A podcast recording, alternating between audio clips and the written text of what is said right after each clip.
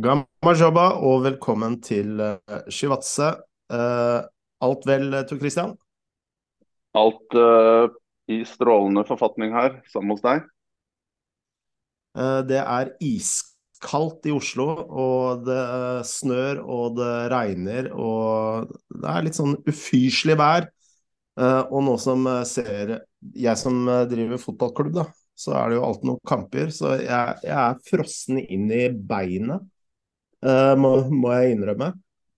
Men du er ikke frossen inn i sjela, for det den fotballen dere har uh, vært opp med, Kristiania ballklubb uh, sitt A-lag for herrer, hører jeg det skåres mål jevnt og trutt. Det hadde kamp nå i går, eller når det var. Har du Stemmer det? Ja, vi skåra hele tre mål, faktisk. Det er, det er vel det snittet vi ligger på. Problemet er jo at vi også slipper inn eh, fem-seks mål, da. Så uh, Ja, har du um, hva, var, det i går dere spilte? Uh, har du en liten rapport, eller? Ja, ja vi spilte mot Bærum 2 da, i, i fjerdedivisjon avdeling Oslo. Og det er vel en del av de yngre talentene i Bærum sportsklubb da, som, uh, som er på det laget der. Uh, blant annet fetteren til Martin Ødegaard jeg har jo nylig debutert for, uh, for Bærum. Han kom inn og skåra vinnermålet til Bærum. og det var jo litt morsomt. Eller det var ikke morsomt å tape en fotballkamp, men det var morsomt, morsomt å se han. Han er, minner jo litt om fetteren sin. en typisk eh, en typisk eh, tier-variant. Selvsagt ikke på, på, samme nivå, men uh, litt av samme type. Så dette er Mathias, uh, Mathias vi snakker om. Født i 2006, blir 17 år senere i år, da, med litt kjapp uh, hoderegning. Kan jo godt være han har fylt 17 år, for så vidt. Men OK, så vi snakker offensiv, teknisk spiller her, kreativ uh, osv. Um, ja. God orienteringsevne og Ja.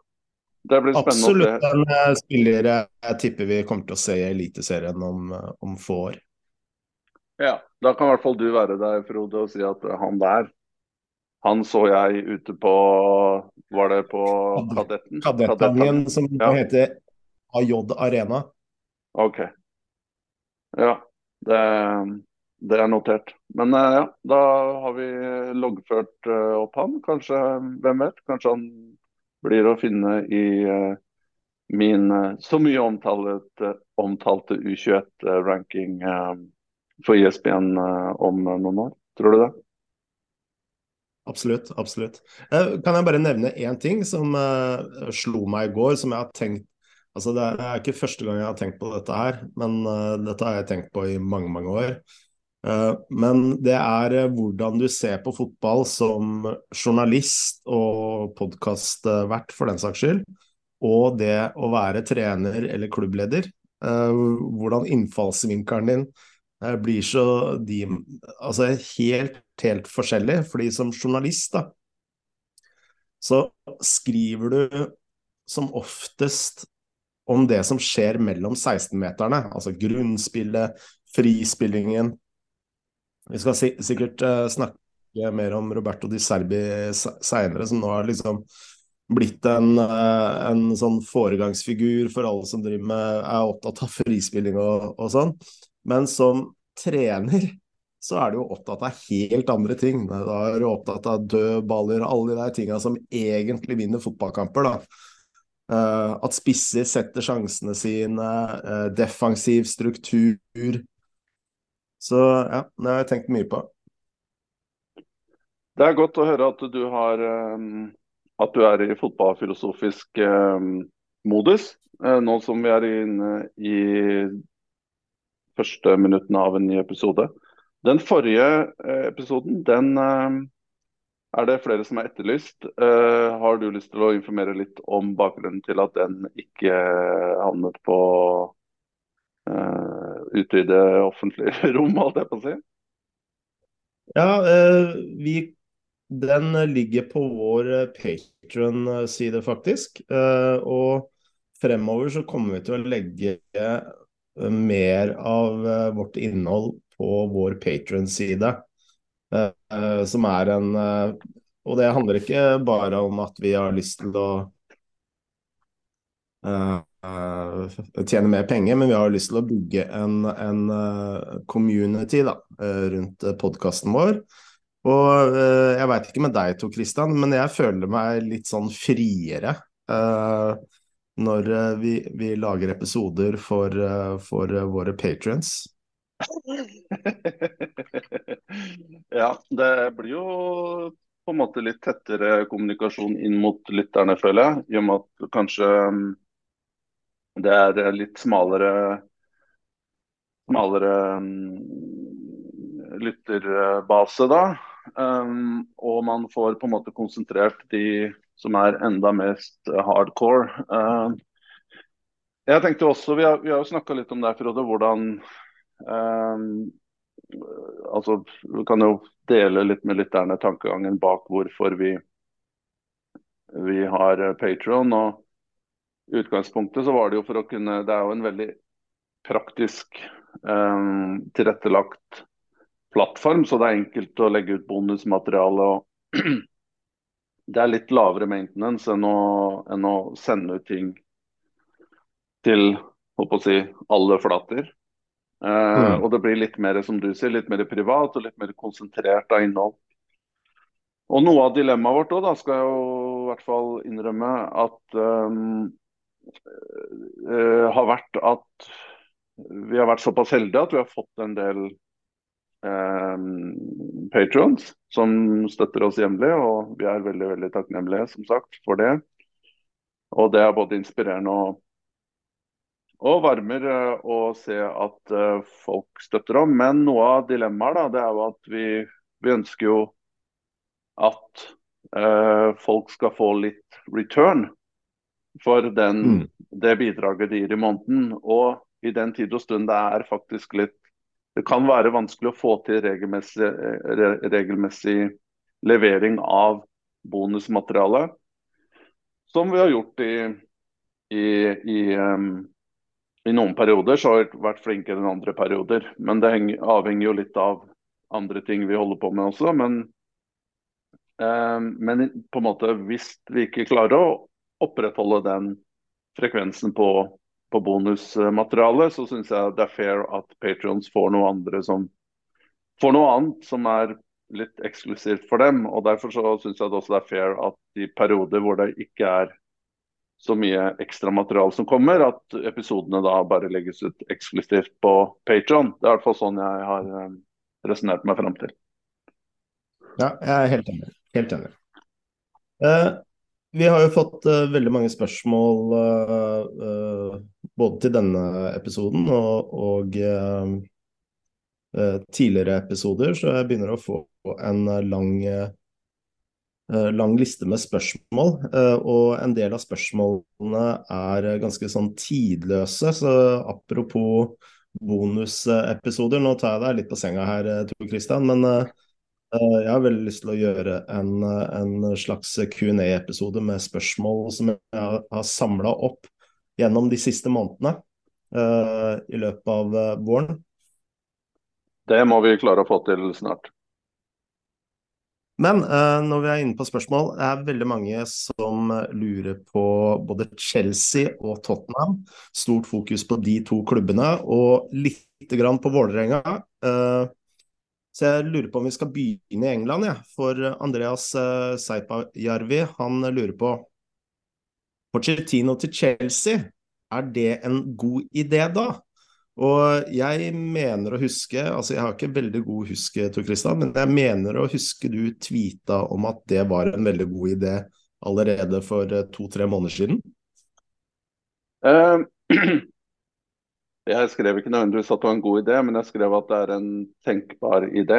Og det var litt sånn deduction-metoden. at uh, Og jeg har gjentatt det på disse spesialpodkastene også med, med Lars Sivertsen. Mulig at det også ble nevnt i en eller annen tidligere vanlig episode. Men noe av um, logikken jeg brukte der, da, det var jo å se litt på disse menneskene som Todd Bowley har ansatt under seg uh, som sportsdirektører, da, i stort anførselstegn. fordi de er jo på en måte mer anal litt sånn glorified analyst. Um, som ikke har nødvendigvis noe erfaring som sportsdirektører, men det er mer på en måte head of recruitments eller whatever. Men poenget er at de kommer fra et system som Paul Mitchell, um, som var i, i, i, Southampton med Pochettino, og han dro vel da til Tottenham som Pochettino.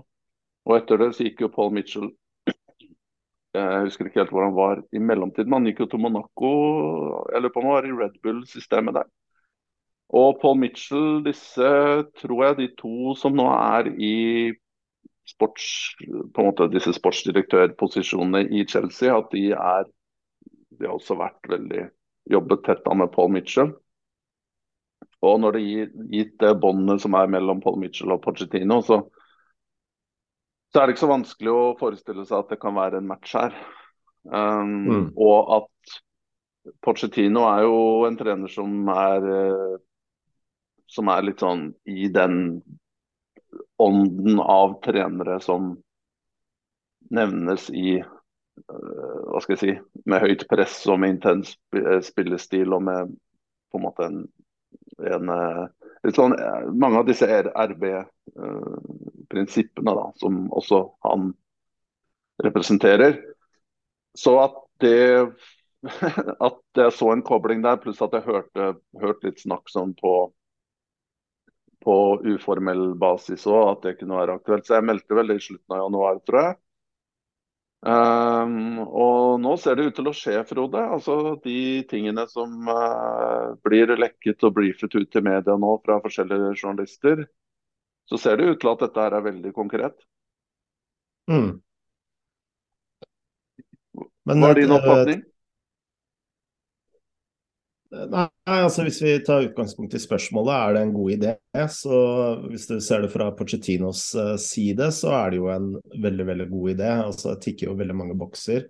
Altså Du har jo det uh, Ja uh, Dette minner jo veldig mye om situasjonen når han tok over Tottenham. Altså Det var jo Tottenham som var helt kjørt i grøfta av Team Sherwood. Uh, og Eh, fullstendig strippa for selvtillit. Eh, det kan på mange måter ikke gå dårligere for Chelsea, eh, sett i lys av hvor mye penger de har brukt, og, og må, også målt mot målsetninger. Så det kan på mange måter ikke gå dårligere. Det, kan bare bli en forbedring.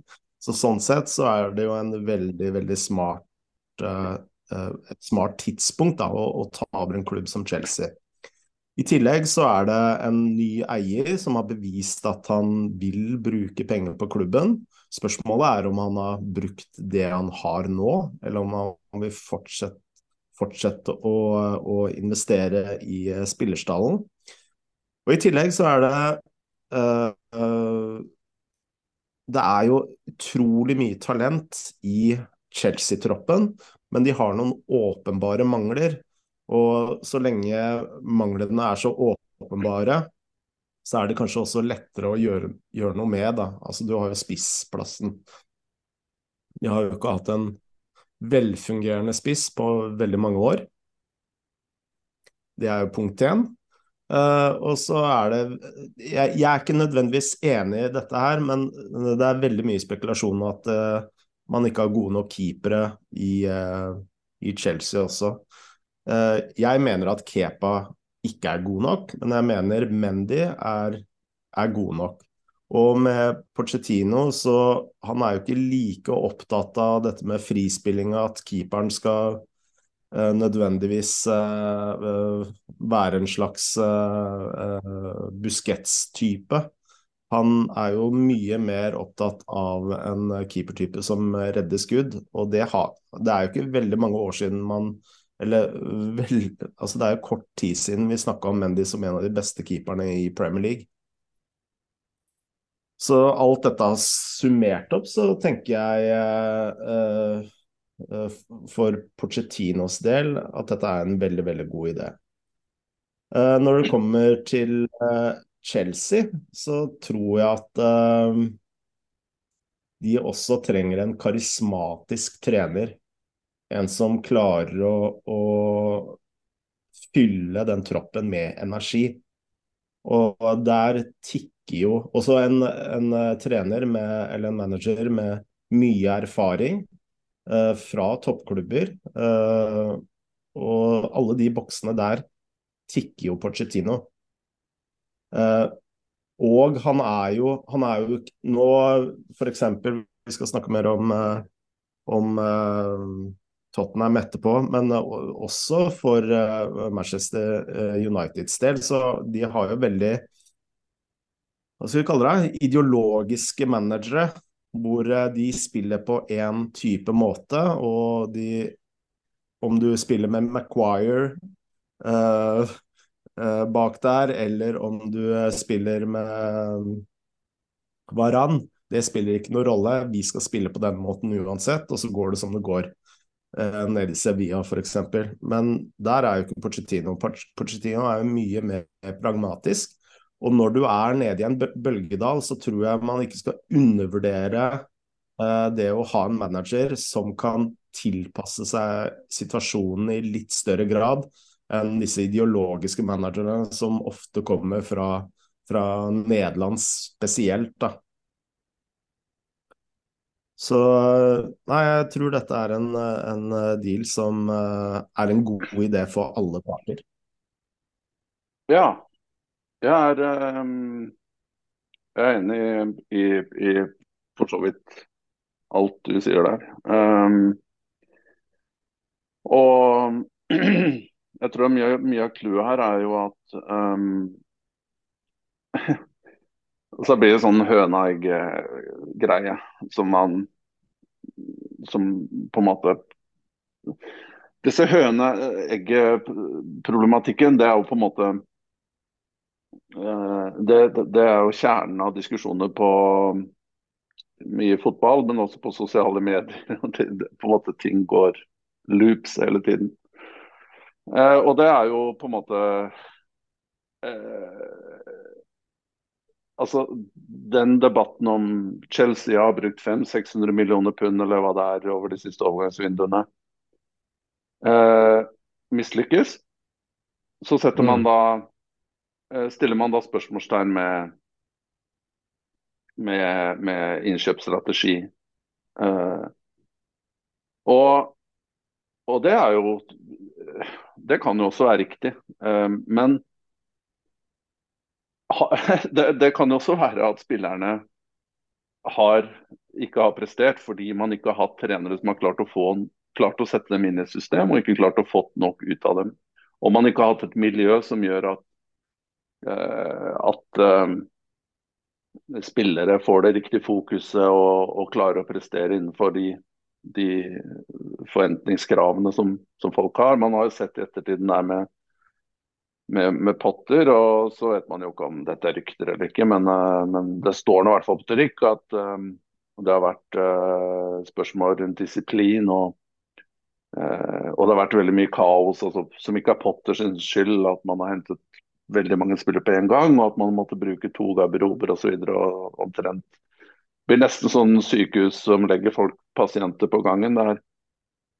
Men uansett, da, oppi alt det her, så tror jeg uansett om du hadde, om du hadde tatt den der um, ISPN-lista mi på 39 um, største, beste um, uh, U21-spillerne i verden, Uh, mm. og, og, signert uh, Det er jo nesten omtrent det Chelsea har gjort. Da. Jo, nå sier jeg ikke at de har lest den, men det, er, det, er, jo nesten som at de har tatt det, liksom, det, er jo de samme navnene uansett som sirkulerer, men de har i hvert fall henta spillere som har vært langt opp på den lista. ikke sant? og det vil jo si at de har hentet spillere av veldig veldig høyt kaliber. Men så er det omstendighetene og media og verden og presset og utålmodigheten til supportere og folk som er på sosiale medier, som gjør, liksom bygger den her trykket, som kanskje også gjør at spiller ikke dette er, kommer ikke til å fungere uh, til slutt. Mm. Så en ny trener mener jeg her vil få et fantastisk grunnlag. Uh, han vil ha en stor tropp. Han vil få en sommer til å klare å uh, altså Det er jo ikke hans jobb å klare å på en måte få spillere ut, eller teknisk løse det. Det må jo både Bowley og disse såkalte sportsdirektørene fikse. Men innkommende trenere da, vil jo få muligheten til å velge en gruppe til den størrelsen han ønsker, og klare å, å, å beholde de spillerne ut fra den måten han tenker fotball på. Og ut fra den poolen Chelsea har, så er det jo fantastisk. Altså, du har jo tre spillere omtrent i hver rolle som mer eller mindre alle er landslagsspillere. Mm. Så, så, det som jeg mener er tøvet i denne diskusjonen her, er å si at Chelsea har bomkjøpt, har vært dårlig med det man så fint kaller spillelogistikk. Eh, men eh, det har det jo for så vidt Ja, jeg er enig at de har vært dårlig på det at de har kjøpt for mange på kort tid. Og man kanskje har um, det på en måte de, de trekkene man gjør rundt uh, spillerne for å få dem til å prestere, har ikke vært det beste. Men det de har hentet, er bra. Så den som kommer inn, får en preseason, han får uh, muligheten til å til å plukke en Sette sammen en stall ut fra Eh, et veldig, veldig stort talentpool her. Og i tillegg så har du et akademi som er fantastisk. Um, så jeg vil ikke være så veldig opptatt av om Bowley eller disse medieinvestorene har uh, Om de skal fortsette å bruke penger. Det, den human capital som de har i Chelsea her, den er god nok til å få til mye, mye, mye mer enn å ligge på nedre halvdel. Og Eh, siste poeng her er at uh, det med spiss og keeper, det, det, det, tror jeg også blir en sånn OK, Lukako kommer vel mest sannsynlig tilbake. Hvem vet? Kanskje Pochettino får uh, noe ut av han. Um, det er ikke så veldig lenge siden han presterte på et veldig høyt nivå. Det er vel to år siden han vant av Scudetto med, med Inter under Conte. Og Keeper, som du sier, det er igjen to altså, De har landskamper begge to. og Det, er, det har kostet store avgangssummer. Og så hender det at på en måte av en eller annen grunn så blir spillere dratt ned litt av det kollektive og fokus, mister fokuset her og der. Men vi, vi, snakker jo alltid om dette her dårlige kjøp og dårlig, dårlig scouting. Det snakker man alltid om når ting går dårlig, og så snakker man, man det opp når ting går bra. Så enkelt er det ikke det er mye, mye mer grunnleggende i bunnen her som, som, er, som er, avgjørende.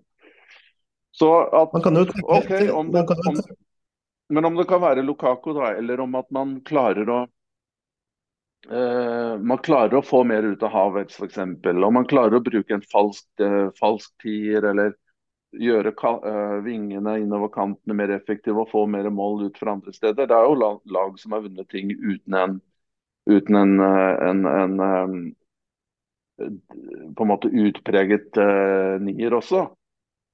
Men det, det, her det her tror jeg eventuelt Pochettino klarer å tweake. Altså. Mm.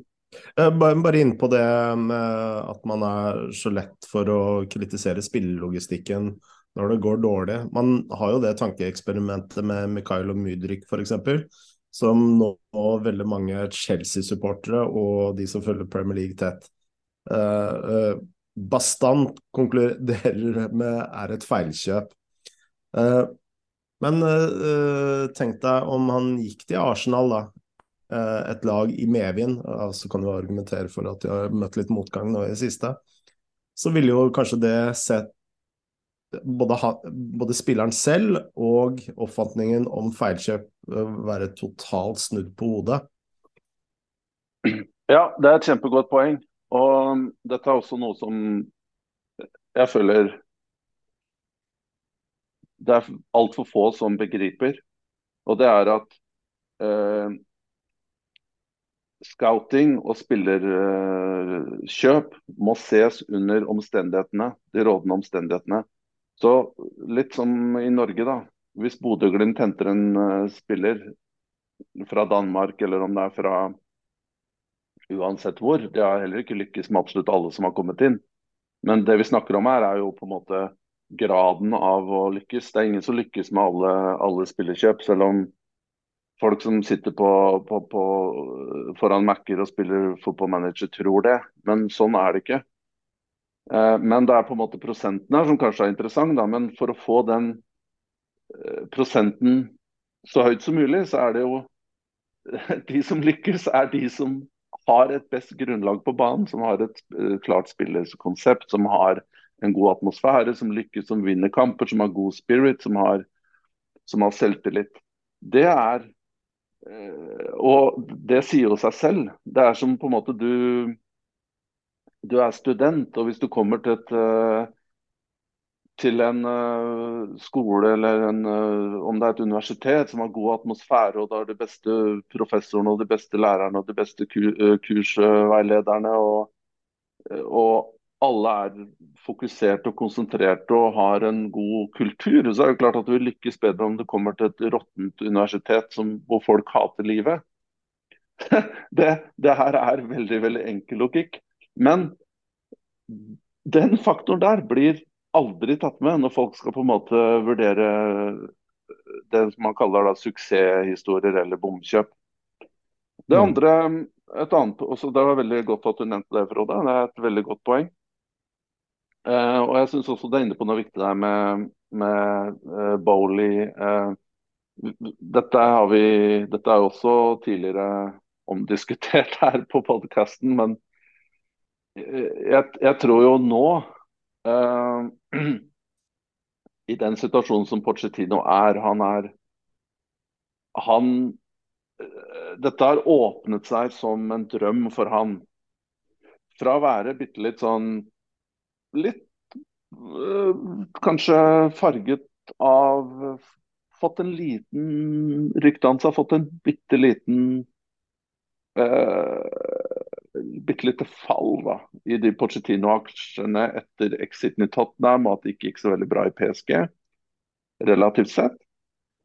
Så gikk han fra å være en trener som nesten var sånn, måtte jobbe litt med media og begynne å jeg så han var på BT Sport, og han har vært uh, tilgjengelig både her og der. Jeg sier ikke at det nødvendigvis er for å promotere seg selv. Uh, det kan jo være noe han gjør fordi han syns det er interessant, og det, det, er fair. Men han har ikke vært sånn spesielt Det har vært andre mennesker foran han i køene på disse toppjobbene.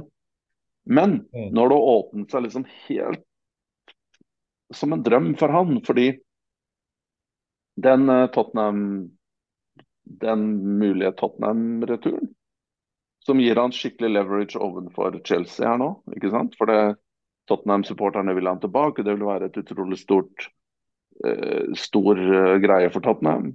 I tillegg så vil det også være en stor stor nedtur for, for Tottenham hvis han går til Chelsea. og Det vil jo gjøre gi enda mer kudos hos, hos, i Chelsea-leiren.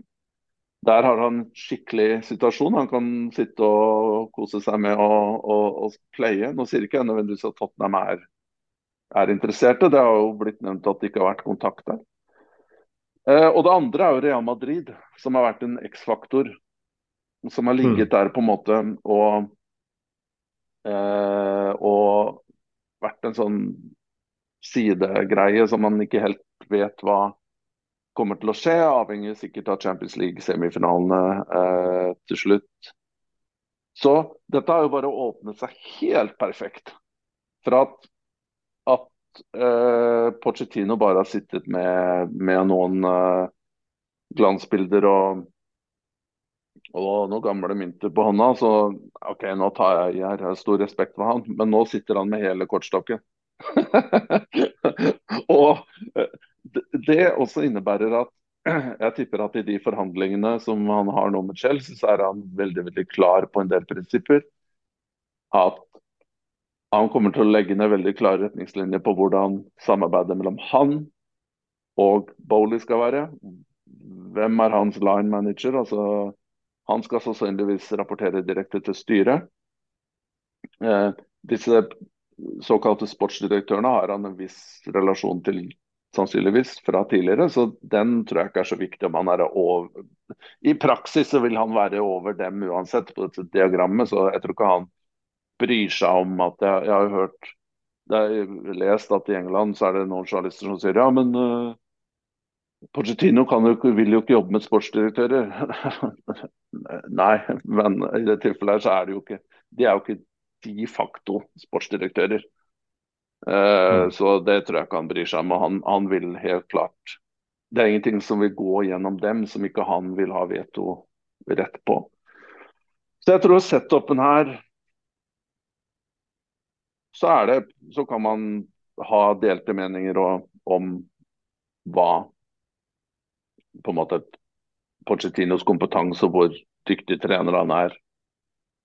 Jeg, jeg, jeg, jeg tror det er en fornuftig fornuftig beslutning. Han, og som du også sier, Frode, at han er ikke noe sånn utpreget eh, ekstremist på noen som helst måte. og er en, har, har, nyter stor respekt i England, og han er sterk personlighet uh, og, og, tenkende fyr. Så jeg, jeg, jeg tror dette er en, en god match, jeg, Frode. Uh, Rudboy84 han uh, skriver bare Blir det litt uh, Tottenham-prat? Uh, og det må vi jo Altså Jeg kan jo anbefale våre lyttere våre Patrion-episoder, eller Dino Lars Sivertsen sin Patrion-episode om, om Tottenham.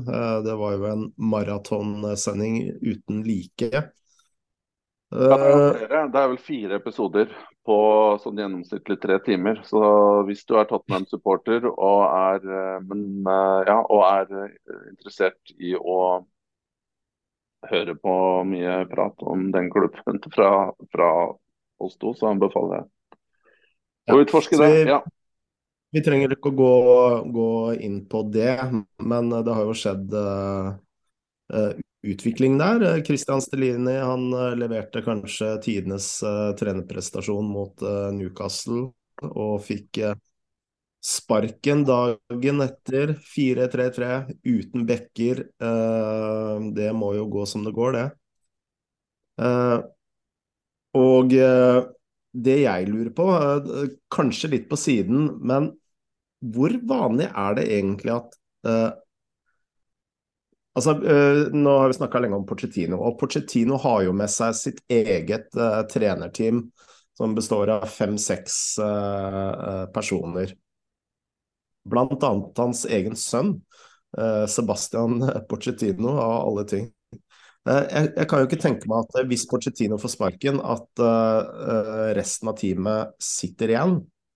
Sånn som Christian Stelini gjorde etter at Conte gikk. Er ikke det litt spesielt? Jo, vi har jo sett det samme i Chelsea, med at han som eh, var uh, Han som tok den ene kampen her før de henta inn Frank Lampard.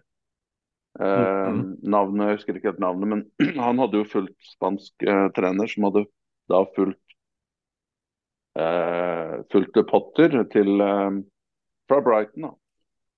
Eh, så han, han, ble jo igjen.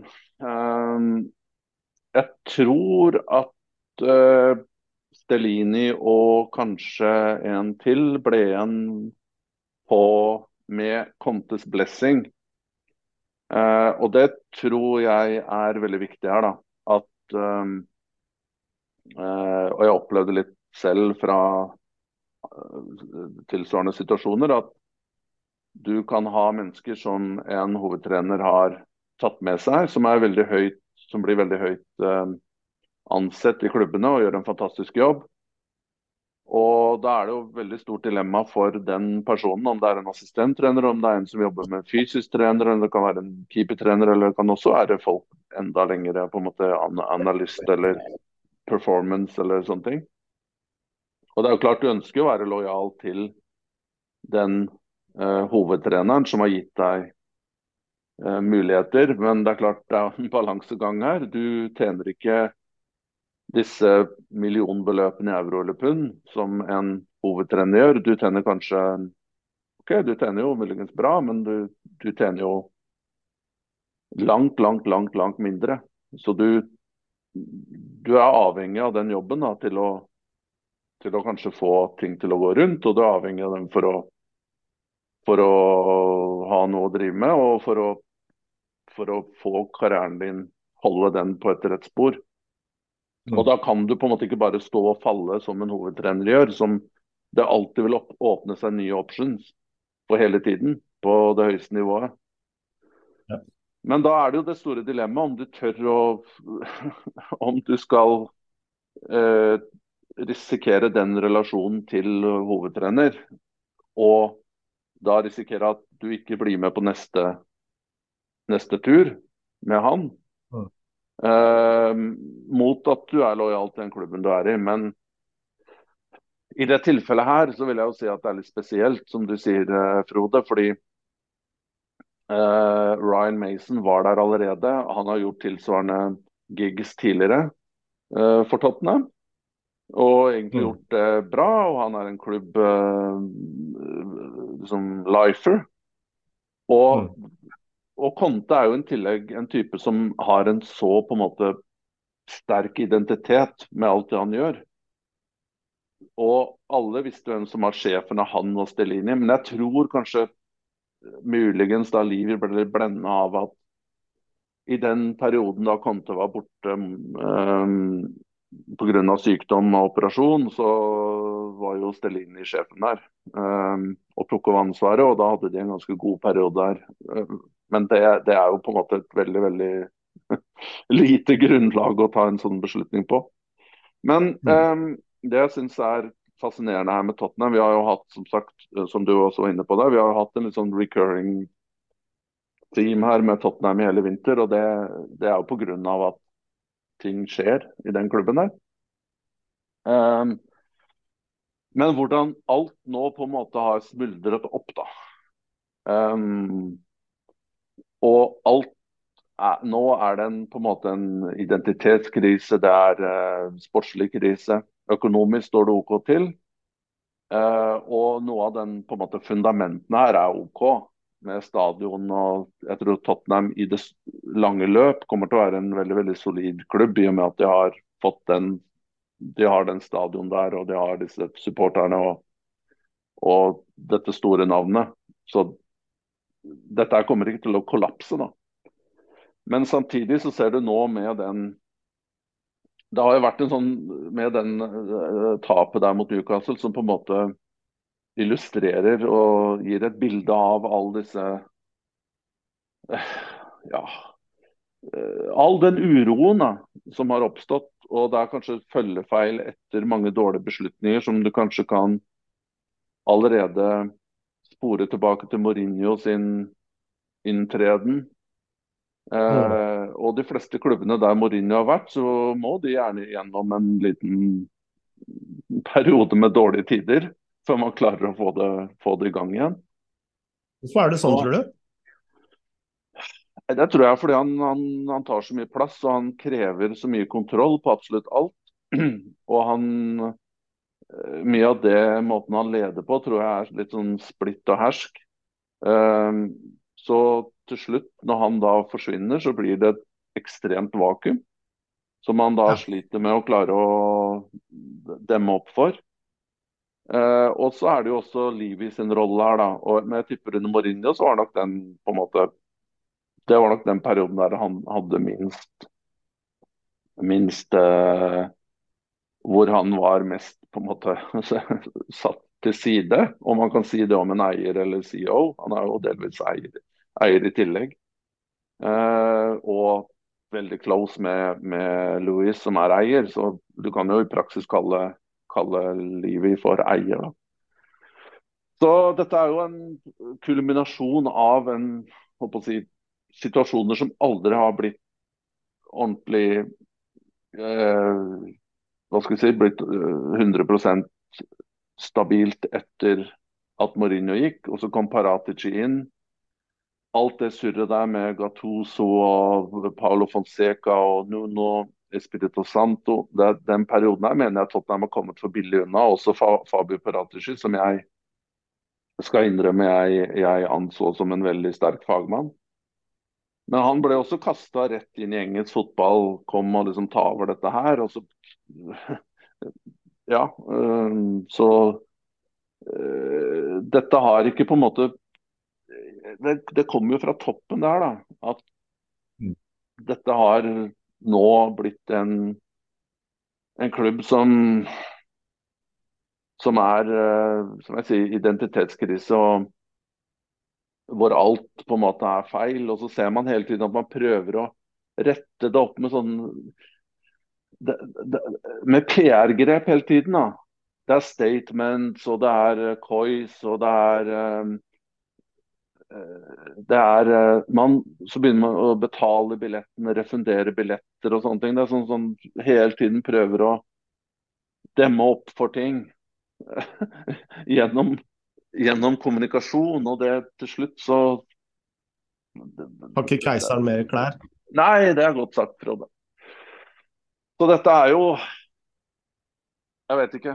Um, en, en, manager vil jo Det er jo viktig. Altså hva, hvor går man videre her nå? Men jeg er også enig med de som sier at at Livis uh, rolle må jo på en måte under lupen her. Uh, til tross for at han har fått den klubben. Og jeg står ved den uttalelsen, som jeg har sagt mange ganger, at han har tross alt fått Tottenham løftet den klubben i et 20-årsperspektiv fra å være en mid-table-klubb til å være en av de store. Og Det er jo også derfor det stormer så fryktelig rundt Tottenham. At de nå har forventninger om å være i topp fire og vinne titler og FA-cuper og ene og det andre. Så det er også et produkt av at Livi faktisk har gjort en god jobb på lang sikt. Men på et eller annet tidspunkt så er jeg enig i at han, hans involveringer må sikkert uh, analyseres nære. Men det kan han jo kun gjøre selv.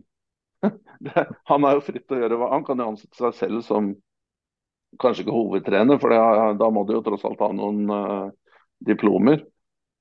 Men uh, han er, står jo når alt kommer til alt fritt til å gjøre som han vil med den fotballklubben, sånn som den er, eh, er organisert. Men uh, hva er dine tanker om uh, Tottenham uh, akkurat nå? Nei, nå, nå, er jeg egentlig mest spent på det veivalget de kommer til å ta videre. Om de kommer til å fortsette i i eh, Mourinho-kontesporet, altså pragmatiske, defensive trenere, eller om de velger et, en helt annen retning. Um, om de fortsetter å rekruttere på sparebluss. Uh, en del av de, de, tingene nå. Og nå er det jo en nederlandsk trener uh, som heter Arne Slott, som eh, ryktes inn eh, til, eh, til Tottenham. og ja. Men, men jeg vil gå egentlig tilbake litt til den der pressekonferansen, famøse pressekonferansen til Conte, og litt det du sa nå, om at dette stikker jo dypere enn en, Altså nedturen til Tottenham nå stikker jo dypere enn bare en uh, hovedtrener eller manager. Uh, dette er jo en og jeg tror Conte var inne på noe veldig viktig. Da, at uh, de har nå en gruppe spillere som er uh, veldig fornøyd med å jeg vil, jeg vil, ikke si spille under press er kanskje riktig ord å bruke, men som er bedagelige. Da. Uh, og, og, som også ikke holder mål sportslig. og i, i, veldig, veldig mange posisjoner. Uh, så når jeg så at Arne Slott blei ble linka til, til, til, Tottenham, så tenkte jeg ja, dette er jo på en side veldig, veldig spennende. Uh, men samtidig så har jeg ingen tro på det. Absolutt ingen tro på det. Eh, det virker som om eh, som om eh, Tottenham er hjelpeløse, og, og proppen så heter Livi. På mange måter. Jeg anerkjenner det poenget ditt om at uh, ja, Livi har tatt den klubben nå fra mid-table til toppen av, av fotballhierarkiet i England og globalt. Men jeg er usikker på om Livi er den personen som kan ta toppen Nei, Tottenham derfra og helt til toppen. Men eh, spørsmålet er jo også om det er mulig å, å, ta Tottenham så mye lenger enn det de har kommet, med tanke på at de har, eh, de Altså det skiftet som har skjedd i, i, i Premier League med disse Ja, det, man kan jo regne også Manchester City og, og Eh, Newcastle, altså som, som, har eiere som er Penger er, eh, er ikke en issue. Og, og, og, så har du giganten av Manchester United, som alltid vil være en veldig veldig stor faktor. Bare de på en måte får bitte litt orden på ting, så vet man at er, de har ressurser som ingen andre har. Eh, både, både kapital og Eh, og størrelse, eh, makt, autoritet autoritet, sånne ting. Liverpool kan settes i samme kategori. Og så har man fått inn Chelsea som man ser har disse ambisjonene. Hvem vet hvem blir neste? Arsenal er der oppe. Som kanskje har gjort ting på en måte som mange nå sier Tottenham burde gjort. At man har tatt en skikkelig sånn nullstilling og turt å uh, turt å tenke at ok, nå blir det ikke verre. Vi er utenfor Champions League. Vi må, gjøre, vi må bygge om, vi må gjøre ting på en annen måte. Man har, en, man har også en struktur der som nok gjør at eierne er mindre involverte. Uh, på godt og vondt enn man har i Tottenham. Så, og Det tror jeg tilsier at de som kommer inn i ledende stillinger på fotballsiden, de får lov å og gjøre mye mer. Eh, altså å jobbe mye friere enn de har kunnet gjort da i eh, eventuelt andre steder. Mm. Men det faktum at Arsenal klarte denne omstillingen, betyr ikke at den er enkel. Og det betyr ikke at det er noe andre vil lykkes med på like kort tid. Og så kan du si ok, det tok Arsenal kanskje også seks-sju år etter Wenger-tiden, og de prøvde å feile litt her og der. Eh, men det er jo også en vei å gå, i hvert fall å prøve. da. Eh, men mm. det, det, er jo ingen garantier for suksess noen som helst vei her. Jeg er, bitte litt uenig med den Conte-konferansen, for, uh, pressekonferansen, fordi for meg så var det egentlig bare at han kasta alt og alle under bussen. og, og det, var, det, handler mer om Conte enn det handler om andre, tror jeg. Han hadde tross alt fått OK Uh, det OK, kan godt være at uh, Tottenham eller Levi sa andre ting i disse innledende samtalene enn det han til slutt fikk, med tanke på spillerkjøp osv. Men han hadde Fabio Paratici der, og de har jobbet sammen tidligere. Fabio Paratici var da hans garantist. Um, og de på en eller annen måte hadde presumptivt ganske god kontroll over det sportslige i Tottenham. Og mm. da mener jeg at når Fabio Paratici hadde nesten to år, og Conte hadde gått over et år, så har du også et ansvar for å drive en kultur og sette standard. Du, og, og, Sånn er det i fotball i dag. Du kan ikke forvente av klubben fordi du er Antonio Conte eller du er, du er eh, José Mourinho, så skal klubben kjøpe 25 nye spillere som passer deg. Du, du, må også ta i betraktning det du har. og igjen, det Tottenham-setupen uh, der, så er det landslagsspillere stort sett i alle posisjoner. Du har et av de best, best beste, mest leverende offensive duoen i internasjonal fotball med Son og Kane. Noe ansvar må du ta selv her. Um, mm. Men jeg er enig med deg at å hente en, en, trener som har kun tre års erfaring fra nederlandsfotball, uansett hvor suksessrik han har vært med Feyenoord nå, OK, de har ikke noe, jeg tror ikke han har vunnet noen titler med dem ennå, men de leder jo eh, serien og har vært overbevisende. Eh, og han er uh, ung og dynamisk og etter det jeg vet også litt mer pragmatisk enn de vanlige. Og litt mer spillende. Altså, han skal også ha ballen litt mer i lengderetning, det er det jeg mente å si. Han er ikke så på en måte omstendelig som kanskje andre fra den på en måte skolen der. Nei, Feyenoord, er, Feyenoord har den keeperen som slår mest langt i hele ligaen.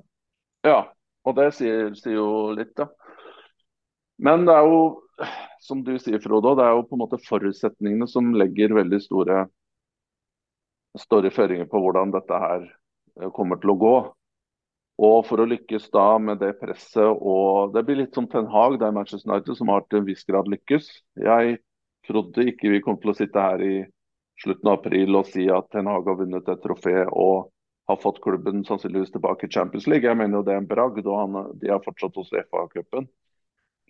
Uh, men Ten Hag hadde jo tross alt lengre erfaring um, fra Ajax uh, bl.a. i Europa, i Champions League. Feyenoord er jo også da i, i Europa. Men, og Ajax er jo muligens presset er det samme i Feyenoord, men er jo per se en, en, en større klubb. Men hvem vet? Um, men jeg tror jeg, jeg, jeg, er enig med deg at det er, det er um, da skal du finne en ekstremt sterk kandidat også, som har en sterk mentalitet og som har ekstreme lederegenskaper.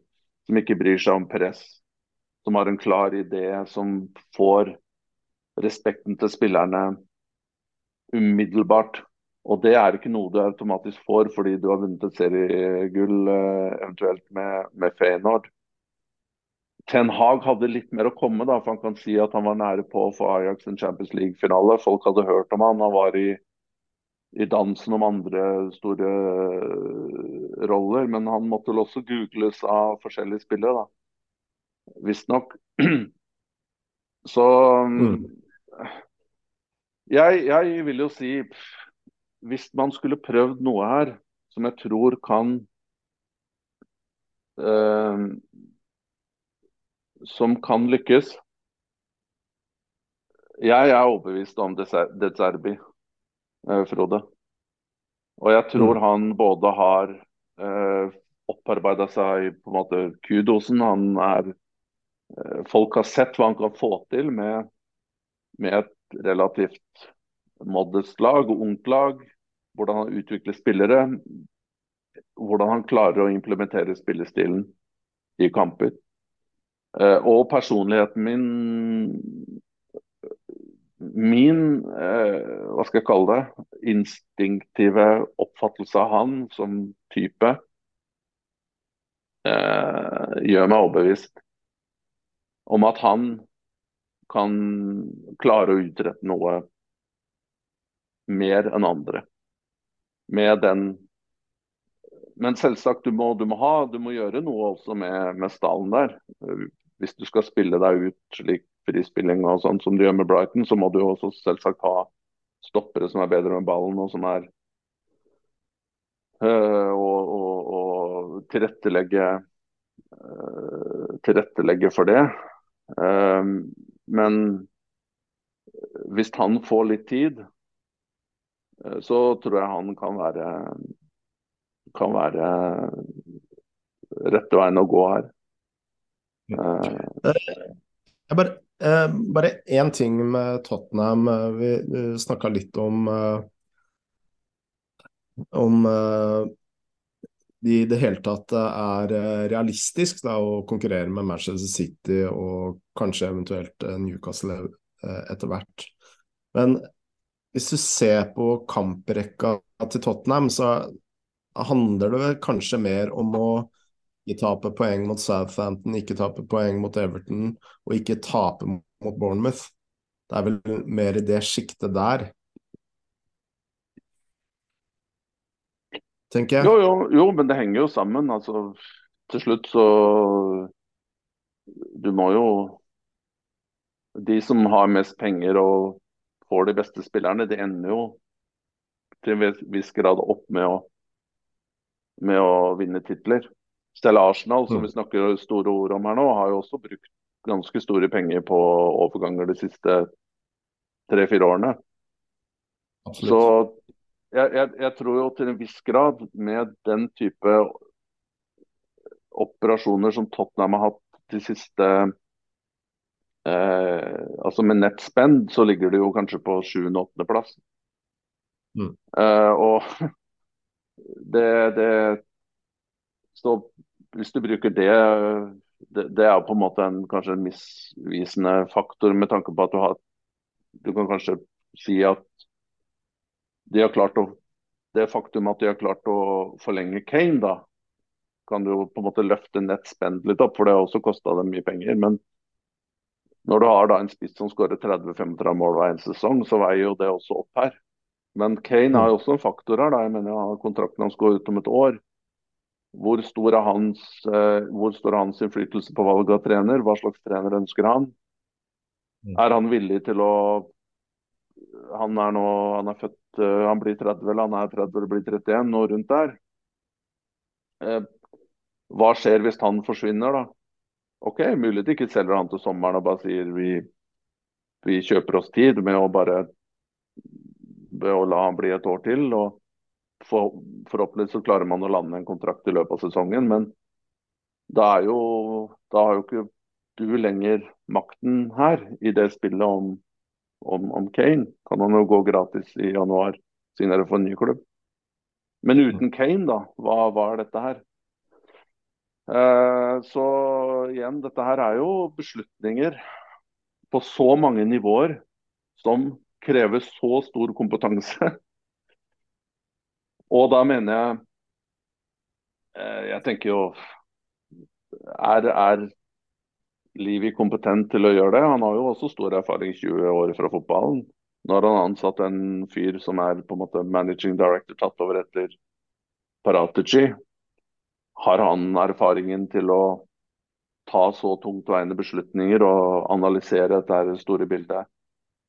Um, dette er jeg tror, jeg tror Jeg vil si for å avslutte replikka, for jeg vet eh, tiden går her, Frode. Men hvis du snur bitte litt på det, så tenker jeg at Tottenham har blitt bitte litt offer for at de har klart å prestere så bra på relativt sett lavere ressurser enn de over seg. Mm. Eh, og det er vanskelig å kommunisere da, til omverdenen. Fordi forventningene følger deg. Du benchmarker med en Champions League-finale og et par andreplasser. Og det klarer du ikke lengden uten disse store, enorme investeringene som de rundt har gjort eller er i ferd med å gjøre. Eh, vi har jo snakka litt om eh, Fabio Paratici på inn- og utpust her nå. Eh, forrige uke så eh, kom ankesaken til eh, Paratici og Agnelli og en rekke andre Juventus-direktører. Og eh, Paratici og Agnelli fikk ikke medhold, så de er fortsatt utestengt for ikke bare italiensk fotball, men også internasjonal fotball i henholdsvis to år og to og et halvt år. Eh, men eh, Pavel Nedved og Paolo Garimberti og Enrico Velana de eh, fikk sine dommer oppheva. I tillegg til denne 15-poengsstraffen eh, de opprinnelig fikk, er, nå også oppheva. Ja, Juventus er jo tilbake i Champions League-diskusjonen her, da. De gikk jo, hoppa jo plutselig opp på tredjeplass igjen. Um, mm. Jeg har jo siden den første dommen kom uh, i desember, vel, så har jeg jo alltid snakka med forbehold her, for jeg kjenner jo godt Italia. Og, og siste ord er vel ikke sagt uh, i den sammenhengen her. Jeg tipper vel at de poengene er nok nå uh, Jeg tror ikke noe kommer til å skje med dem. De er jo tilbake, tror jeg. For det handler jo også litt om neste sesong av Europa og sånne ting. Så dette kan jo ikke bare gå til evig. Men i Italia så er det jo sånn, det er jo prosesser etter prosesser etter prosesser og instanser og instanser og instanser du kan gå. Mm. Jeg tror utfordringen her er jo, og det, og det de har på en måte klart å gjøre da, eh, til en viss grad Juventus, det er å legge litt skylda over på enkeltpersoner istedenfor klubben. Ja. Eh, så det er mer mismanagement fra, eh, fra eh, administrasjon enn klubb per sted. Mm. Det, er det interessante her nå da, det er jo hva Uefa, hvilken stilling Uefa tar her. Om de aksepterer eh, aksepterer den type argumentasjon. Så det er jo litt spenning knytta opp imot om hva Uefa gjør kontra den nye dommen som kom her i, i, Italia. Eh, journalisten eh, eh, Tobias Jones, eh, nytt bekjentskap eh, for meg. Men han skrev jo en lang artikkel i The Guardian i helgen om, om Juventus. Og han nevnte også at uh, Paratici tidligere var liksom uh, uh, kontrollert av Morata, så, som da hadde kontroll på han, men når han ga seg i Juventus, så hadde Paratici carte blanche, da. og det første jeg tenkte på det, dette må jo være, være noe som er plassert fra Juventus i min konspiratoriske hode. Eh, for å akkurat uh, gjøre det du sa nå, uh, putte skylda på en enkeltperson, da. Og ikke klubben per se. Nei, det er jo riktig at Tobias Jones er vel en uh, forfatter, uh, skrevet en del uh, interessante bøker om, om Italia. Det han skriver om Italia som land er mer interessant enn fotball, syns jeg. Han er jo ikke noen sånn fotballmann egentlig, men han kan veldig mye om Italia, hvordan landet er, mekanismene fungerer her. Så han er veldig dyktig. Jeg har lest flere bøker av han. Um, men det er riktig at Giuseppe Marotta, som nå er i, i Inter, de splitta jo for to-tre år, år, siden, tror jeg, Juventus, etter å ha vært sammen i både Sampdoria, Juventus i mange mange år, jobba som, som, et team. Og Paratici vokste jo sammen med Marotta. Marotta var på en måte en senior, mer CEO-en, og Paratici var mer sport Det de kaller for Du kan kalle det kanskje sportsdirektør, da, i mangel på et bedre begrep, men de kaller det responsable area technica, som la oss si teknisk direktør, da, ved siden av, mm. av Marotta. Men som du sier, da, da Marotta gikk til Inter, så ble jo, ble jo Paratici promotert til, til mer sånn ja, fullt ansvar for, for sport. Men som sagt, hva, jeg, hva, som har på en måte blitt gjort eller ikke gjort, det, det er altfor forvirrende for en som ikke har tilgang til disse dokumentene og egentlig juridisk bakgrunn til å, til å uttale seg sånn.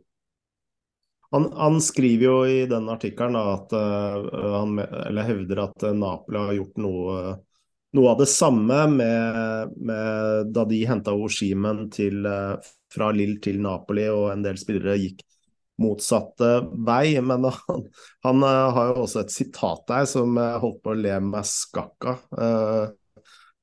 hvor noen har sagt at It wasn't only Juventus, said a fan, referring to uh, Plus Valenza scandal.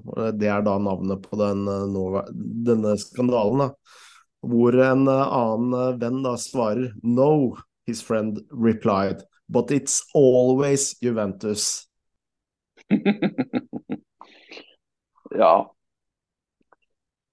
Ja ja. Nei, de har jo, de har jo litt uh, previous her med den andre. Men uh, som også uh, som vi også har snakket om på tidligere podcaster, så er jo dette her med plusvalensa, regnskapsmanipulering på, på, kjøp og salg av, av, spillere, det har jo skjedd i Italia i, i 20 år uten at, uten at det har fått for store konsekvenser både en eller andre sted. Og det er jo mange mange klubber som har vært involvert. Og så har de blitt stort sett frikjent. Mm. Men uh, i hvert fall et stort løft for Juventus. og hvis de, Men store X-faktoren her er jo Champions League, som Juventus rent økonomisk trenger for å klare å få ting til å gå opp økonomisk nå, da, når ting har blitt som det har blitt. Og så er det spennende å følge nå hva Uefa gjør videre her. Uh, før vi avslutter her, så har vi fått uh, to spørsmål om Vålerenga. Og Anders Ole lurer på hva tenker dere om situasjonen i Vålerenga nå? Ser vel ganske ræva ut nå. Frode, har vi sett Vålerenga i stussligere forpakning? Og Engamann, Engamann 1913 han lurer på hvor mange kamper fremover med like dårlige spillresultater tror dere Fagermo får på seg før han er ferdig i Vålerenga? Starten i år ligner grusomt likt fjorårets sesong. Punkt to. Nevn tre trenere som dere tre tror kan erstatte Fagmo og fått Vålerenga på rett kjøl igjen. Uh, jeg, kan jo svare på Anders Holes uh, spørsmål. Har vi sett Vålerenga i stussligere forpakning? Uh, og svaret på det er ja. jeg så vel min første Vålerenga-kamp i 81 82. Da var jeg seks og syv år. Uh, så siden da, så ja, jeg har sett Vålerenga mye dårligere forpakning. Uh, Men la oss, la oss, si et tiårsperspektiv, da, eller femårsperspektiv, som er uh, kanskje mer relevant. Har, du, har Vålerenga vært svakere enn det de er nå?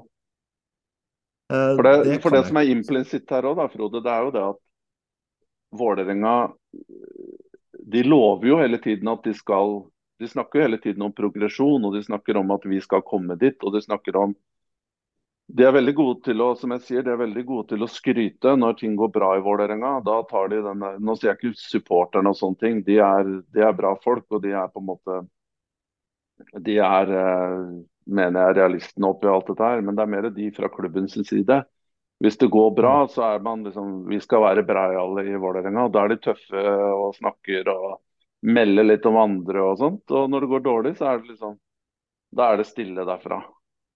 Og man snakker ja. om at uh, Og så har man sagt de siste årene det er sånn, Nei, vi skal opp på topp tre, og vi er unike på den måten. og dette, og Vi jobber mye bedre med unge spillere og med akademien enn andre. Og så glemmer man man sammenligner seg med Odd og Molde. og og så glemmer man helt at Vålerenga har en, har en et pool av spillere i Oslo-regionen som er du kan multiplisere med fire-fem kontra med Molde eller med disse småsteder rundt om. Du kan ikke sammenligne et akademi med de forutsetningene Vålerenga har. Og befolkning kontra Odd eller, eh, eller Molde eller Ålesund eller Tromsø eller uh, Bodø-Glimt. Det er jo helt usaklig eh, lagt frem. Og så er det spillelogistikken da, som man uh, drar fram hele tiden. Den skulle bli så mye bedre. og Det, det, det er sånn hele tiden da, med Vålerenga. De er så flinke mm. til å snakke, men til slutt så er det og det jeg også tenker, og så sier man ja, men vi har et prosjekt der om å vi skal utvikle unge spillere. Ja, er det et akademi? Ja, jeg forstår det. De har et akademi, og de jobber sikkert godt. Men man må klare å skille ting her bitte litt. Altså, Handler dette her bare om å produsere spillere eh, og selge dem? så må man jo være tydelig på det. At vi tar heller en uh, sjuendeplass og selger spillere for 30 millioner, enn å komme på tredjeplass. Men her gjør man jo ingen av delene.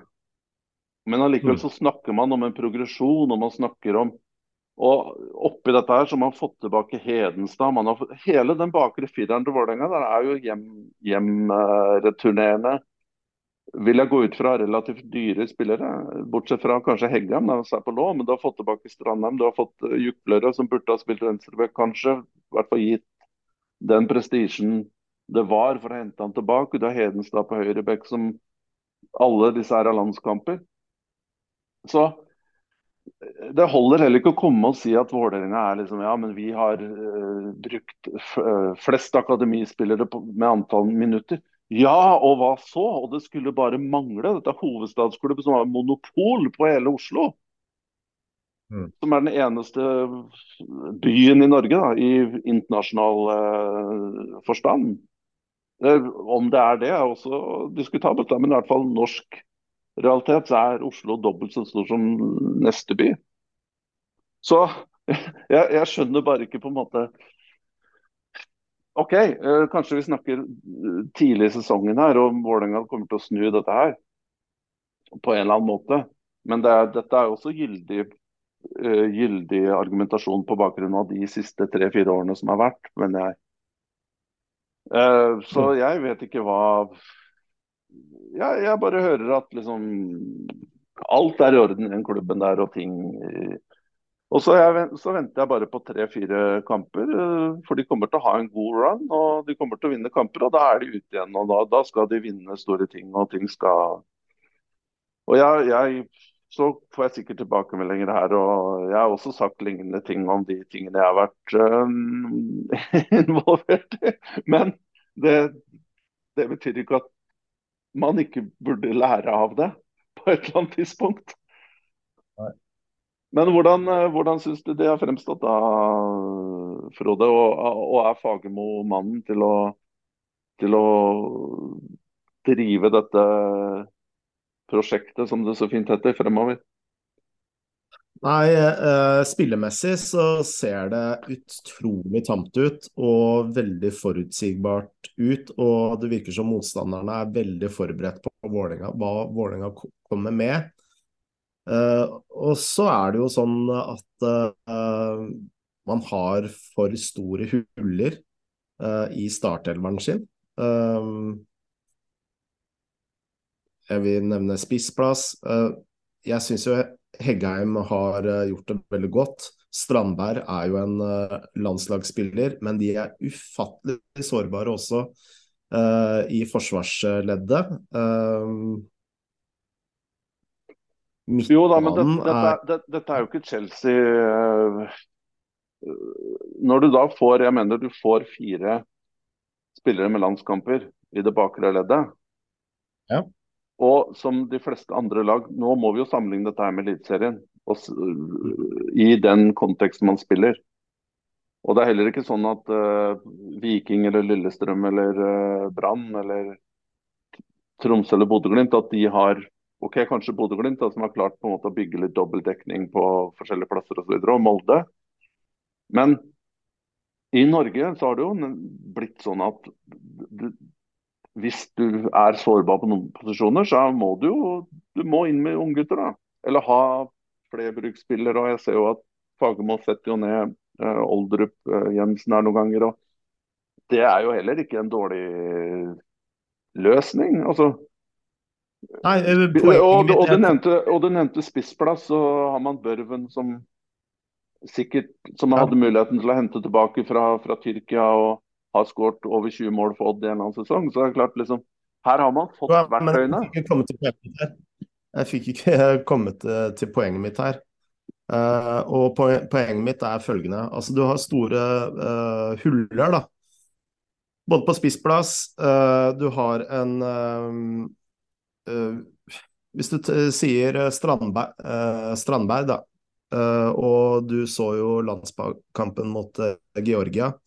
Eh, og du har en eh, trener som har en spillestil som er veldig, veldig satt. Eh, setter en forsvarslinje veldig, veldig høyt. Og jeg tenker, altså når du har en aldernes forsvarsrekke, eventuelt når du setter Oldrup Jensen ned, så er det å sette forsvarslinja di så høyt som det Vålerenga gjør, det er å be om trøbbel.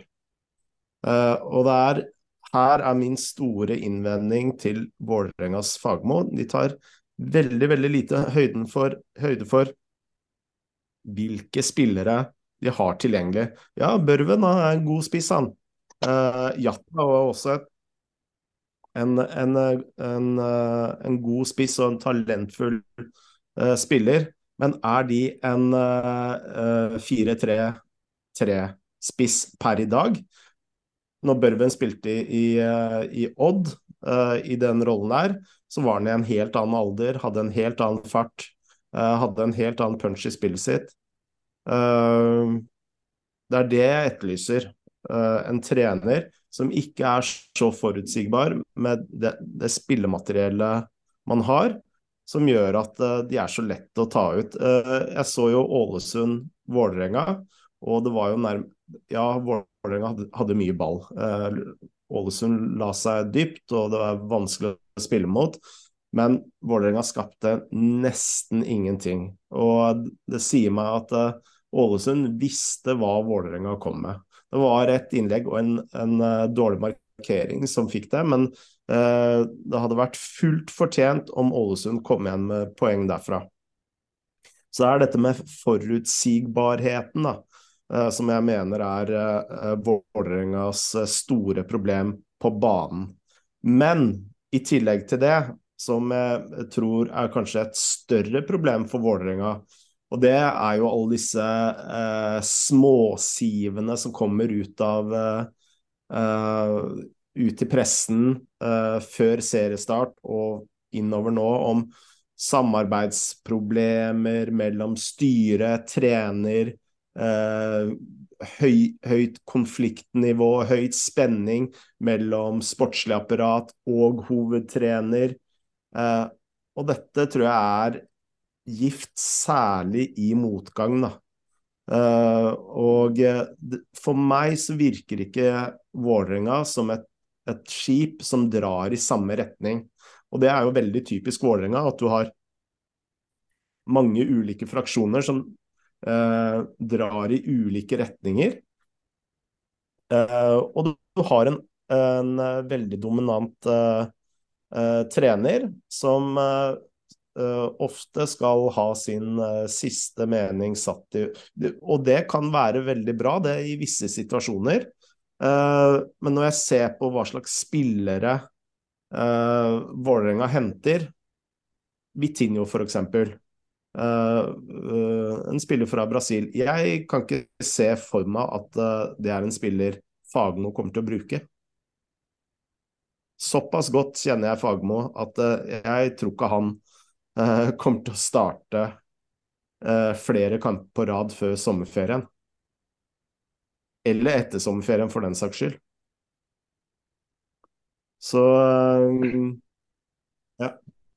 Nei, men det starter jo med å det, det, det starter jo med um, Eller starter jo ikke med, da, men det er en faktor oppi her. og Du, du var inne på det, Frode, at for et år siden så ansetter de en, det de kaller sportssjef. Uh, som da er underordnet hovedtrener. Det har vi omtalt mye på podkasten her, og det er jo en modell som per se er dømt til å mislykkes. Og selvsagt er du uenig i det. og, det eh, og jeg forventer ikke at noen uh, kommer og sier 'told you so'. Um, eller at jeg eventuelt skal få noe